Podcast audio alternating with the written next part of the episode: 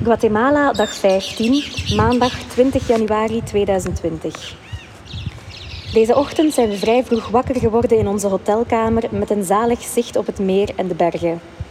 Onze kamer lijkt zo'n gedateerd Alpenhuisje, maar het heeft echt wel veel charme. Playa Linda heet het. Ik denk wel niet dat ze veel te doen hebben. Het personeel was wel super lief. Misschien moet ik ergens een recensie achterlaten. Anyway, we zijn dan gaan ontbijten. Ei, meloen, tapenade van bonen met taco, sla, tomaat. En daarna opnieuw rugzak maken om alweer naar een volgende bestemming te reizen. Met de boot deze keer naar San Pedro La Laguna. We moesten nog wat wachten, dus zat ik eventjes apart. Just sitting on the dock of the bay. Met het liedje in mijn hoofd. Kijkend naar de eendjes die naar beneden doken om zeewier te eten.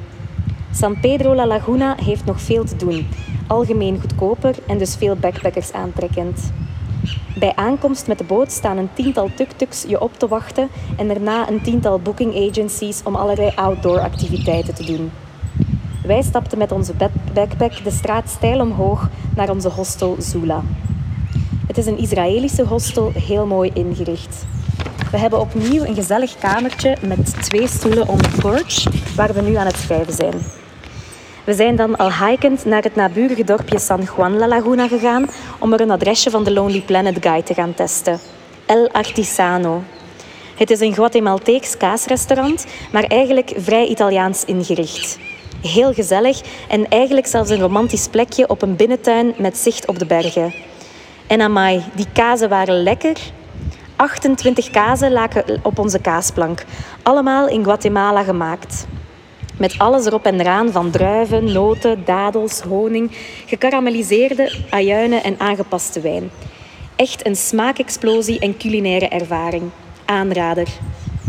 Daarna met tuk-tuk naar de haven en boot naar San Marcos La Laguna, waar we hadden afgesproken met René en Anna. De boottocht zelf is ook nog het vermelden waard. We kregen constant water op ons en waren echt druipnat.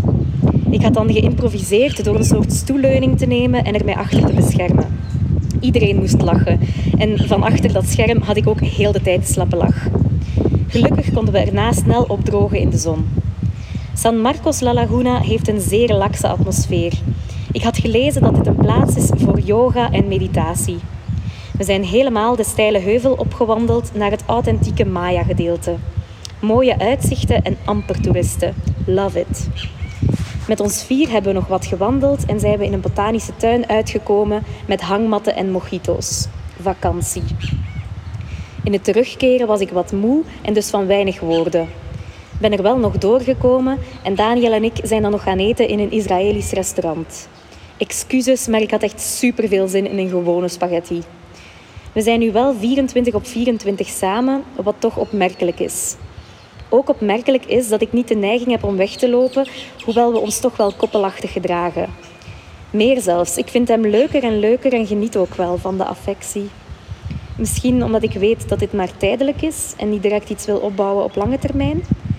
Het doet ook alleszins deugd om iets langer dan twee dagen samen te reizen met dezelfde persoon. Ik ben benieuwd naar de volgende dagen.